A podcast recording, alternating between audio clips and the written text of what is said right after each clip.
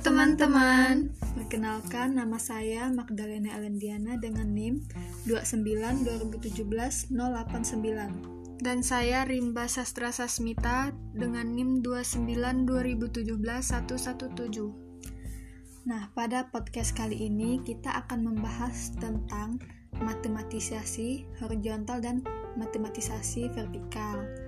Pada pendekatan matematika realistik yang kami ambil dari artikel Bapak Wahyudi yang berjudul Pembelajaran Matematika Realistik sebagai sebuah cara mengenal matematika secara nyata. Apa itu matematisasi horizontal dan vertikal? Nah, dalam pembelajaran matematika realistik, siswa melakukan dua matematisasi, yaitu matematisasi horizontal dan matematisasi vertikal. Teori ini mengacu pada pendapat Freudenthal yang mengatakan bahwa matematika harus dikaitkan dengan realita dan matematika merupakan aktivitas manusia. Pertama, matematisasi horizontal adalah proses penyelesaian soal-soal kontekstual dari dunia nyata. Misal, pada saat siswa menyelesaikan soal-soal baru di dunia, di dunia nyata dengan cara mereka sendiri dan menggunakan bahasa dan simbol-simbol mereka sendiri. Kedua, matematisasi vertikal adalah proses formalisasi konsep matematika. Siswa menyusun prosedur umum yang dapat digunakan untuk menyelesaikan soal-soal sejenis secara langsung tanpa bantuan konteks.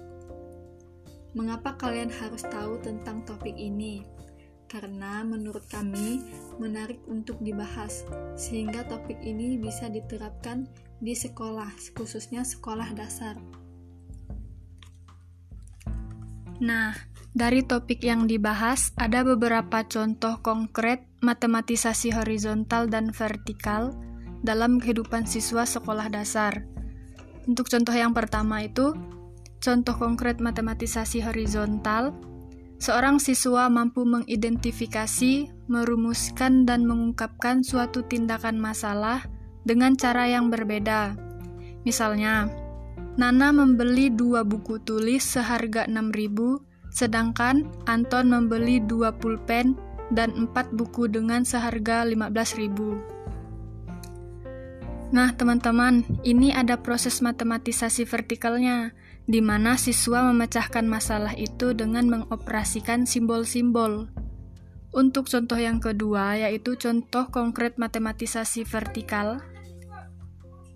Misalkan Nana adalah X dan Anton adalah Y. X membeli dua buku seharga 6000, sedangkan Y membeli dua pulpen dan empat buku seharga 15000. Seperti ini ya teman-teman mengenai contoh dari matematisasi horizontal dan vertikal. Untuk kesimpulan, Simpulannya adalah pada podcast kami ini kita dapat mengetahui tentang matematisasi horizontal dan matematisasi vertikal sebagai sebuah cara mengenal matematika secara nyata dalam kehidupan sehari-hari. Terima kasih teman-teman sudah mendengarkan hasil podcast yang kami buat. Dan untuk sumber dari topik yang kami bahas adalah RME kata Pak Wahyudi.